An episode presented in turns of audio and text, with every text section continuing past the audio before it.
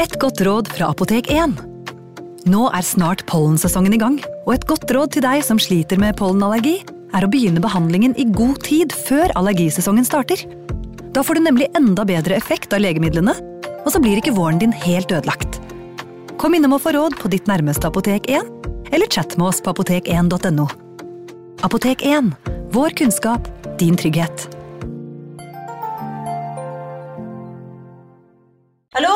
Jeg kommer fra Oslo politikammer. Ine Jansen er purk. Er du purk? The motherfucking bitch. Alt jeg vil, er å finne ut hva som skjedde med mannen min. Jon Carew. Er jeg sikta for noe? Iben Akeli. Det er du. Ole So, Lars Berrum og Big Daddy Karsten. Hvem sin side er du på, egentlig? Anette Hoff, Tone Danielsen, Kommer du fra Afrika? Jørnis Josef, Nesten. Kløfta. Trond Espen Seim, Det er synd å si det, men det var feil mann som døde. Purk. Premiere tirsdag på TV2 Play. Ungsamtalen fra DNB er økonomisk veiledning tilpasset deg som er ung.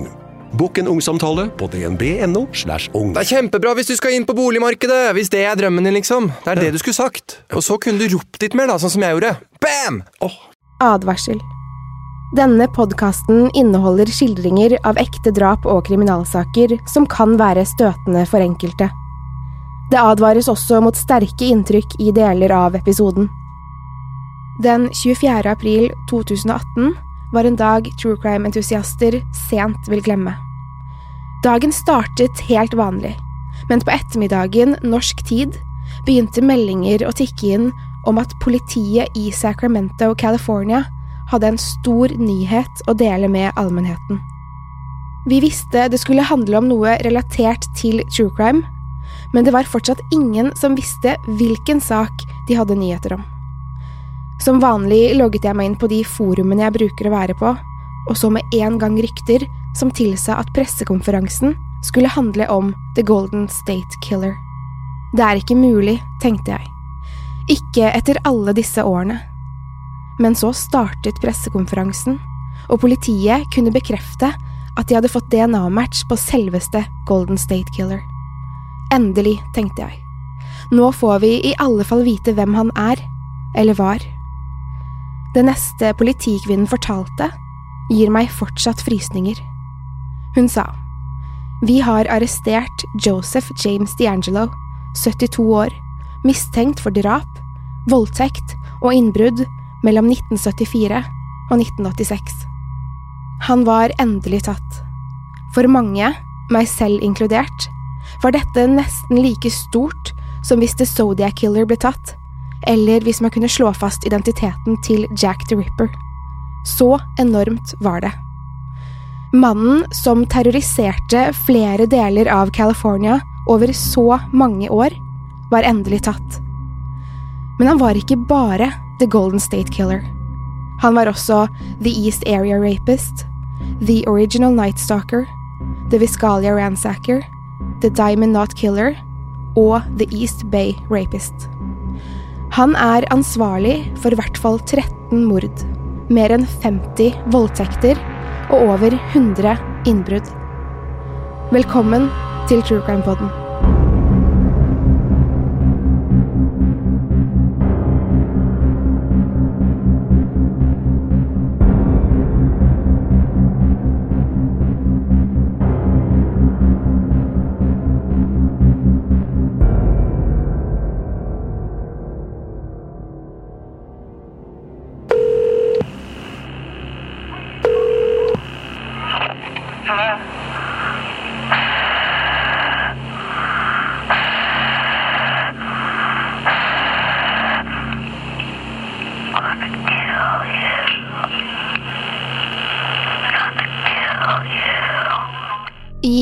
Klippet du nettopp hørte, truer Joseph D'Angelo et av voldtektsofrene sine flere år etter at voldtekten skjedde. Tenk deg å prøve å komme deg videre etter en så ødeleggende hendelse som en voldtekt er for offeret. Så ringer han deg og truer med å drepe deg. For han vet hvor du bor. Han klarte å bryte seg inn den gangen. Han kan klare det igjen. Han het ikke alltid The Golden State Killer. Det var et navn true crime-skribenten og forfatteren Michelle McNamara ga han, i et forsøk på å forene alle de forskjellige navnene han hadde fått. Bakgrunnen for at han hadde så mange navn, var alle stedene han begikk disse ugjerningene. Han ble, inntil Michelle kalte han The Golden State Killer, kalt for Erons, en forkortelse for East Area Rapist og Original Night Stalker, navnene han var mest kjent for, men i denne episoden kommer jeg til å kalle han for The Golden State Killer. Michelle McNamara skrev om både nye og gamle drapssaker på bloggen sin truecrimediary.com, som ble veldig populær. Hun hadde mange fans, og begynte å gi ut små krimnoveller, og jobbet innimellom som krimjournalist for Dateline NBC, et true crime-dokumentarprogram jeg er sikker på mange av dere kjenner til. Hun begynte etter hvert å interessere seg for denne Golden State Killer, og startet derfor å skrive bok om denne ukjente morderen, på oppdrag fra Harper Collins. I september 2005 giftet Michelle seg med komikeren Patton Oswalt, annet kjent som Spencer i TV-serien Kongen av Queens. De fikk en datter sammen, Alice. Men Michelle McNamara var ingen vanlig mor og kone. Hun var besatt av jobben sin. Hun var besatt av og bestemt på at hun skulle finne ut hvem The Golden State Killer var. Hun reiste over hele California for å snakke med overlevende ofre, politietterforskere som jobbet med saker tilknyttet morderen, og familiene til drapsofrene for den hensynsløse morderen. Det er mye på grunn av Michelles arbeid at saken til slutt ble løst, og det er derfor jeg velger å ta med hennes arbeid i denne episoden. I boken I'll Be Gone in the Dark, skrevet av Michelle, finnes inngående og grundig informasjon om saken, både om mordene, innbruddene og voldtektene. For å forstå hvor forferdelig denne morderen var, må vi tilbake til begynnelsen. Viscalia, California, 1974 til 1975. The Viscalia Ransacker ble han først kalt. Det startet i april. Mannen som brøt seg inn i hus mens eierne var borte. Han gikk gjennom deres personlige eiendeler, eksempel undertøyskuffer eller skittentøyskurvene. Han la frem skittent undertøy på sengene deres for å gjøre dem forlegne. Han tok med seg familiebilder, bilder av barna. Noen ganger lot han bildene være igjen, men rev dem ofte opp i småbiter, slik at de ikke kunne teipes eller limes sammen igjen. Han forsynte seg med kremer fra badet, noen ganger med parfyme. Han helte ut såpene deres, ødela sminken til fruen i huset, og la klær han fant i klesskapet på gulvet før han helte appelsinjuice, øl eller vin over dem bare for å ødelegge. Han tok med seg barnas sparebøsser, revestykker, tegninger barna hadde tegnet, og dro ut kontakten på klokkeradioer, TV-er og andre elektroniske apparater, slik at de måtte justeres på nytt.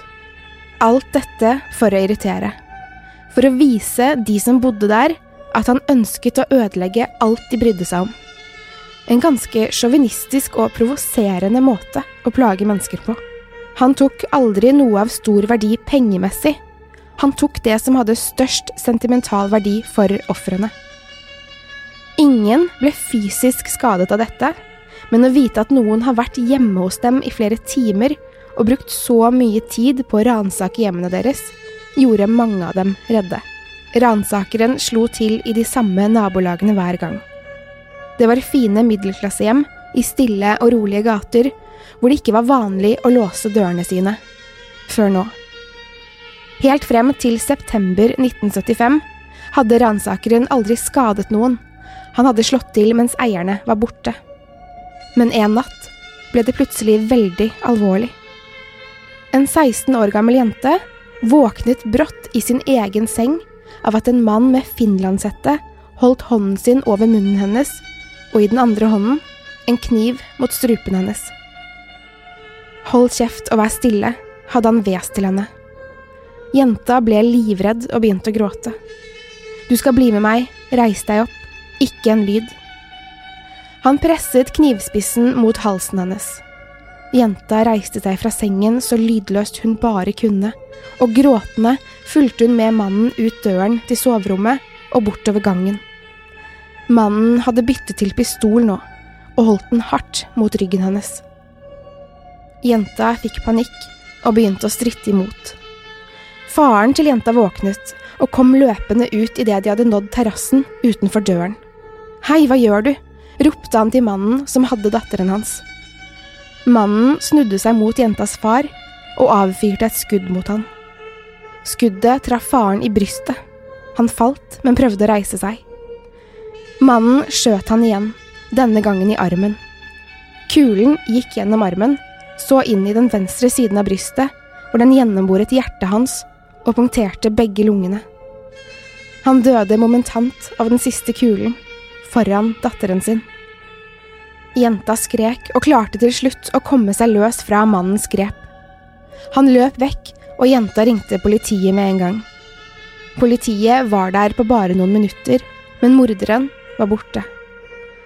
Faren til jenta ble obdusert, og det ble slått fast at morderen hadde brukt en spesiell type 38-kaliber som var stjålet av The Viscalia Ransacker ti måneder tidligere. Ransakeren hadde blitt voldelig. Under etterforskningen av drapet og kidnappingsforsøket kom det frem at faren til jenta i februar samme år hadde sett en mann på huk utenfor datterens rom, hvor han kikket inn gjennom vinduet. Faren hadde ropt til mannen og løpt mot han, men mannen hadde kommet seg unna. Politiet var overbevist om at dette var samme mann som prøvde å kidnappe datteren.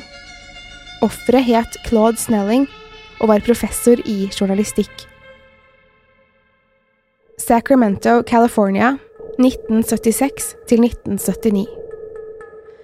Etter drapet på professoren var det stille noen måneder fra ransakeren i Viscalia. Folk turte likevel ikke puste lettet ut. De som bodde i nabolagene ransakeren og nå morderen hadde slått til før, fortsatte med nattpatruljering i tilfelle han skulle komme tilbake. Ransakeren hadde drept, og ingen var trygge. En rekke innbrudd med lignende modus operandi som ransakerens fikk fart på ryktene om at ransakeren hadde flyttet på seg. Og nå voldtok han også. I starten lusket han rundt middelklassenabolag i dager før han slo til. Ofte på dagtid, etter at mannen i huset hadde reist på jobben. Han så seg ut kvinner som bodde i enetasjeshus, gjerne i nærheten av en park, et skogholt eller andre åpne plasser, slik at han kunne komme seg unna raskest mulig. Han likte best kvinner som var alene hjemme med små barn, de hadde mer å kjempe for enn kvinner uten barn, hadde han sagt til et av ofrene. Han listet seg inn gjennom et vindu eller en verandadør og truet kvinnen med kniv før han bandt henne med skolisser eller ledninger han fant hjemme hos henne. Noen av ofrene var tenåringer, andre var i midten av 20-årene, noen i midten av 30-årene. Han hadde på seg finlandshette mens han bandt dem, og spurte de yngste ofrene om de visste hva klimaks var, mens de gråt og ba en stille bønn om at han skulle bli ferdig.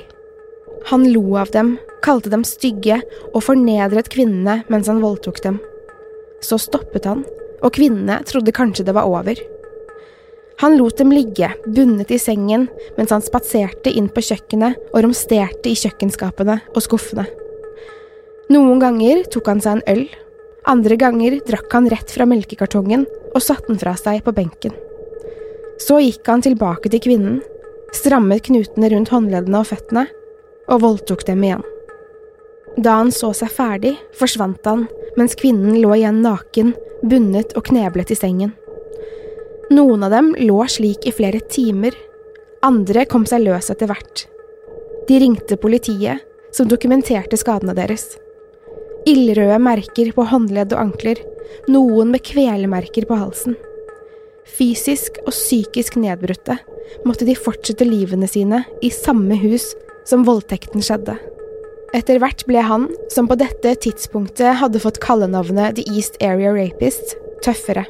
Etter å ha sett seg lei på å voldta kvinner som var alene hjemme, eller kvinner med spedbarn, brøt han seg inn i husene til folk mens de sov. Kvinner og ektemannen eller samboeren hennes. Han vekket dem som oftest med å lyse dem i øynene med lommelykt, slik at de ble blendet og ikke kunne se ansiktet hans. Med kniv eller pistol truet han dem begge på livet. Han tvang kvinnen til å binde fast mannen mens han lå på magen, og sjekket at knutene var stramme nok til at han ikke kom seg løs. Han balanserte tallerkener, kopper og fat på mannens rygg, og sa at hvis han hørte en lyd fra ham, som hvis koppene falt av han, skulle han skyte eller skjære strupen av kona hans. Mannen kunne derfor ikke bevege seg. I rommet ved siden av pleide voldtektsmannen å binde fast kvinnen, og voldta henne og slå henne så mannen hennes hørte det. Også her tok han drikke og innimellom spisepauser mellom voldtektene. Etter at han var ferdig, dro han uten å slippe dem fri. Noen ganger kom han tilbake og slo eller mishandlet dem hvis de hadde beveget på seg og prøvd å komme seg løs. Han terroriserte dem. Han ringte dem, flere måneder og år senere, og truet med å drepe dem, som i klippet dere hørte i starten av episoden. Folk i Sacramento-området var livredde, særlig de som bodde i nabolagene han oftest slo til. Folk var forbannede på politiet fordi de ikke klarte å ta han. Det ble holdt et allmøte hvor politi, politikere og bekymrede innbyggere deltok. Det ble diskutert hva man kunne gjøre for å forhindre at The East Area Rapist skulle slå til igjen, og hvordan de skulle klare å arrestere han. En mann sa om han noen gang kommer til mitt hus og prøver å voldta min kone, skal jeg drepe han. Noen måneder senere ble mannen som sa det, angrepet i sitt eget hjem og kona voldtatt. Skulle ikke du drepe meg? sa voldtektsmannen til han, mens han lå bundet på magen i sengen med kopper, asjetter og fat balanserende på ryggen. Da ekteparet anmeldte innbruddet, voldtekten og mishandlingen, gikk det opp for dem. Han var på allmøte. I februar 1978 var et ungt ektepar ute og luftet hunden sin en kveld. De bodde i samme område som The East Area Rapist hadde operert i, og må tydeligvis ha sett noe de ikke skulle ha sett.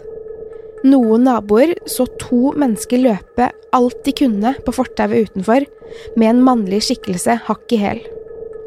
Under et minutt senere hørte det samme vitnet pistolskudd. Ekteparet døde, og politiet fant en avkuttet skolisse ikke langt fra åstedet.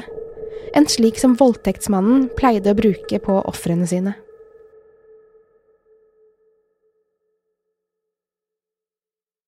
Santa Barbara og Orange County 1979 til 1986. I oktober 1979 ble alt mye verre fra voldta i Sacramento-området for siste gang den 5. juli samme år, begynte The East Area Rapist, som her fikk kallenavnet Original Night Stalker, å drepe. Han brukte samme metode som før, vekket ekteparet og fikk kvinnen til å binde fast mannen før hun selv ble bundet, kneblet og brutalt voldtatt. Etter å ha gjort seg ferdig, kanskje tatt en mat- og drikkepause, skjøt han eller slo dem i hjel. Åtte mennesker ble drept i sine egne hjem, mange mens barna deres var hjemme i samme hus. Den brutale måten de ble slått i hjel på, skremte politiet, media og alle. Ikke bare de som bodde i Santa Barbara og Orange County, men hele landet. Politiet hadde ikke så mye å gå etter når det gjaldt signalement.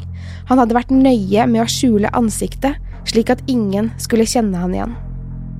Her er det politiet hadde å gå etter.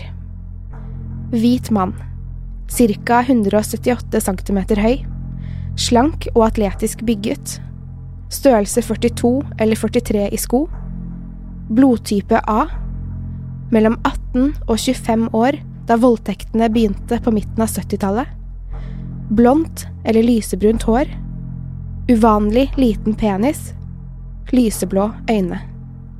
Det ble også laget en gjerningsmannsprofil hvor de såkalte profilerne mente det var stor sannsynlighet for annet disse karaktertrekkene. Hadde ofte sex med prostituerte. Uvanlige seksuelle preferanser. Likte voldelig sex. Hvis han var gift, var kona underdanig og godtok den brutale sexen han hadde behov for. Intelligent. Hatet kvinner. Kan ha vært en kikker i tenårene. Moderat kjennskap til etterforskningsmetoder og bevissikring, selvsikker og selvgod, ryddig og kjørte en fin bil, normalt god økonomi, arrogant, manipulativ, hissig og konfronterende. Alle disse punktene ble sendt til de fleste politistasjonene over hele USA etter hvert som drapene fant sted, med ønske fra Sacramento-politiet om at alle lignende hendelser med samme type modus ble rapportert inn. Dessverre var det ingen lignende hendelser som ble rapportert, rett og slett fordi det så ut som om morderen hadde tatt en pause. Så hvorfor stoppet han? Noen trodde han var i fengsel, andre tenkte at han kanskje hadde dødd eller flyttet langt av gårde og lagt drapskarrieren bak seg. Vi som interesserer oss for seriemordere, vet at de ofte har en periode hvor de ikke dreper, på engelsk kalt en cooling off period, før de starter opp igjen. Kanskje verre og mer voldsomt enn før. Det var også det Michelle McNamara tenkte. Michelle var besatt av morderen. Det var hun som kalte han The Golden State Killer, og hun reiste overalt for å finne ut mest mulig om denne seriemorderen, voldtektsmannen og innbruddstyven. Hun snakket med flere av ofrene, politimennene som hadde vært på åstedene, og de pårørende i håp om å finne ut noe nytt, for å endelig klare å avsløre mannen som hadde terrorisert California over så lang tid. Heldigvis hadde politiet samlet DNA og andre bevis fra nesten alle åstedene tilbake til midten av 70-tallet. Jevnlig søkte de i databasen Codis for å se om det kunne være noen som matchet hans DNA, men ingen gjorde det. Det har vært flere mistenkte for drapene og voldtektene, men alle har blitt sjekket ut av saken. Politiet testet også DNA på henrettede og death row-fanger for å se om noen av dem kunne være morderen, også uten resultat. Den 21. april 2016 står mannen til Michelle McNamara, Patten Oswald, opp tidlig, for han skal i et møte. Han hjelper også deres snart åtte år gamle datter Alice med å gjøre seg klar til skolen. De spiser frokost sammen, og Patten går opp for å spørre Michelle om hun vil at han skal la frokosten stå ute. Michelle svarer ikke, men han hører at hun snorker og ler litt for seg selv. Michelle hadde jobbet hardt den siste tiden, og Patten tenkte at hun fortjente å sove litt lenge. Etter møtet drar han innom et kaffebrenneri og kjøper én kaffe til seg selv og én til Michelle. Hjemme står fortsatt frokosten på bordet, og Patten synes det er rart at Michelle ikke har stått opp enda. Han roper på henne, men hun svarer ikke. Patten går opp i andre etasje og til soverommet deres. Michelle ligger fortsatt i sengen, men nå snorker hun ikke. Det er helt stille. Han går bort til hennes side av sengen og løfter litt på dynen. Michelle er så rar i ansiktet. Han rykker i skulderen hennes for at hun skal våkne. Huden til Michelle er iskald. Michelle McNamara er død i sin egen seng. 46 år gammel stoppet hjertet hennes mens hun sov. Patten husker ikke mer fra den dagen, annet enn masse mennesker i huset, og at han ikke visste hvordan han skulle fortelle datteren Alice at moren hennes var død. I februar 2018 blir Michelle sin bok I'll Be Gone in the Dark One Woman's Obsessive Search for the Golden State Killer endelig utgitt. Michelle var ca. halvveis i boken da hun døde, og etterlot seg tusenvis av sider med research, notater og intervjuer som gjorde at mannen hennes, Patten, en venninne som også er forfatter, og en politietterforsker som jobbet med Michelle for å ta The Golden State Killer, klarte å gjøre ferdig boken hennes. Hun hadde vært så stolt, sa Patten på boklanseringen. Nesten på dagen to år etter Michelle McNamara sin død, og bare måneder etter at boken hennes ble publisert, får vi meldingen om at The Golden State Killer er arrestert. Og de brukte Michelles kallenavn på han, noe som rørte Patten Oswald og Michelles familie dypt. De følte på en måte at Michelle hadde hjulpet til med å fange morderen. Og det hadde hun kanskje. Joseph James D'Angelo ble arrestert den 24. april 2018. En tidligere politimann, født i 1945 i New York. Han var marinesoldat og Vietnam-veteran. Han hadde vært gift med en advokat og fikk tre døtre med henne. De skilte seg i 1991, og siden den gang har han vært singel. Identifiseringen av D'Angelo skjedde på en veldig uvanlig måte. Flere måneder før arrestasjonen hadde politiet bestemt seg for å laste inn DNA-profilen fra noen av voldtektene i Santa Barbara og Viscalia. Politiet fant mellom 10 og 20 slektninger til morderen, og begynte arbeidet med å identifisere han. Til slutt satt etterforskerne igjen med to mistenkte, den ene D'Angelo. Den andre mannen ble til slutt utelukket, og for å være helt sikre på at de hadde rett mann, skaffet politiet seg DNA fra dørhåndtak på bilen hans og to brusbokser fra søppelkassen utenfor huset hans. Og vips, så hadde de identifisert selveste The Golden State Killer. Nå gjensto bare arbeidet med å arrestere han. Politiet visste det var en viss fare for at D'Angelo kunne prøve å unngå å bli tatt, f.eks. ved selvmord, så de ønsket ikke å arrestere han hjemme. De ventet til han var på et offentlig sted før de tok han, og arrestasjonen foregikk uten dramatikk. Men D'Angelo nekter for å være The Golden State Killer. Hvis du ser nøye på bildene fra rettssalen og arrestasjonsbildet hans, kan du se sår i hodebunnen. De er fra da han ved tre tilfeller prøvde å ta livet sitt i fengsel ved å dunke hodet sitt inn i cellens betongvegg. Joseph James D'Angelo er siktet for 13 mord, 50 voldtekter og mer enn 100 innbrudd. Han mener selv han er uskyldig. Den 13. august 2018 ble D'Angelo siktet for mordet på journalistprofessoren Claude Snelling, som ble skutt og drept da han prøvde å redde datteren sin. På en av de siste sidene i boken til Michelle McNamara skriver ektemannen et følelsesladet brev til sin avdøde kone, som aldri fikk oppleve at The Golden State Killer ble tatt. Han skriver også noe som rørte meg veldig, noe jeg tror Michelle hadde blitt utrolig stolt av å høre. Jeg har oversatt denne delen selv. Patten skriver denne julen åpnet Alice, vår datter, en presang nissen hadde lagt igjen til henne. Hun var så lykkelig der hun satt og åpnet den. Det var et digitalkamera, og hun ble veldig glad for det. God jul, kjære. Litt senere samme morgen spurte hun meg, helt ut av det blå. Pappa, hvorfor har du og nissen samme håndskrift? Michelle Eileen McNamara er borte men hun etterlot seg en liten etterforsker og et mysterium. Patten Oswald. Vi i True Crime Poden takker pent for at du har hørt på denne episoden. Neste uke er vi tilbake med en ny og spennende sak. Jeg håper også vi sees på Edderkoppen scene i Oslo den 19. desember. Det er fortsatt noen ledige billetter, og de kan kjøpes på ticketmaster.no. Vi legger ut bilder tilhørende denne episoden på vår Instagram-konto True Crime Norge, og på Facebook hvor vi heter True Crime Podden. Hvis du har tips til spennende og litt annerledes krimsaker, send meg mail på post at truecrimenorge.no. Til neste gang, pass på dere selv, og takk for at du har hørt på True Crime Podden.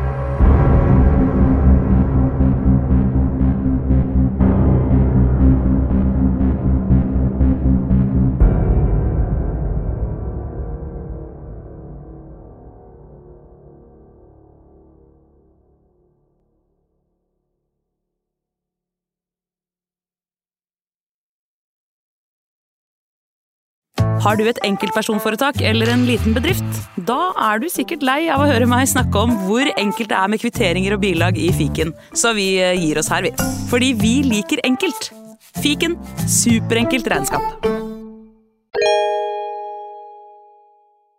Hei! Takk for at du lytter til True Crime Podden. Skulle du ønske at du kunne høre en ny episode av denne podkasten hver eneste uke? Vel, da er det bare å laste ned podkastappen Untold med en gang.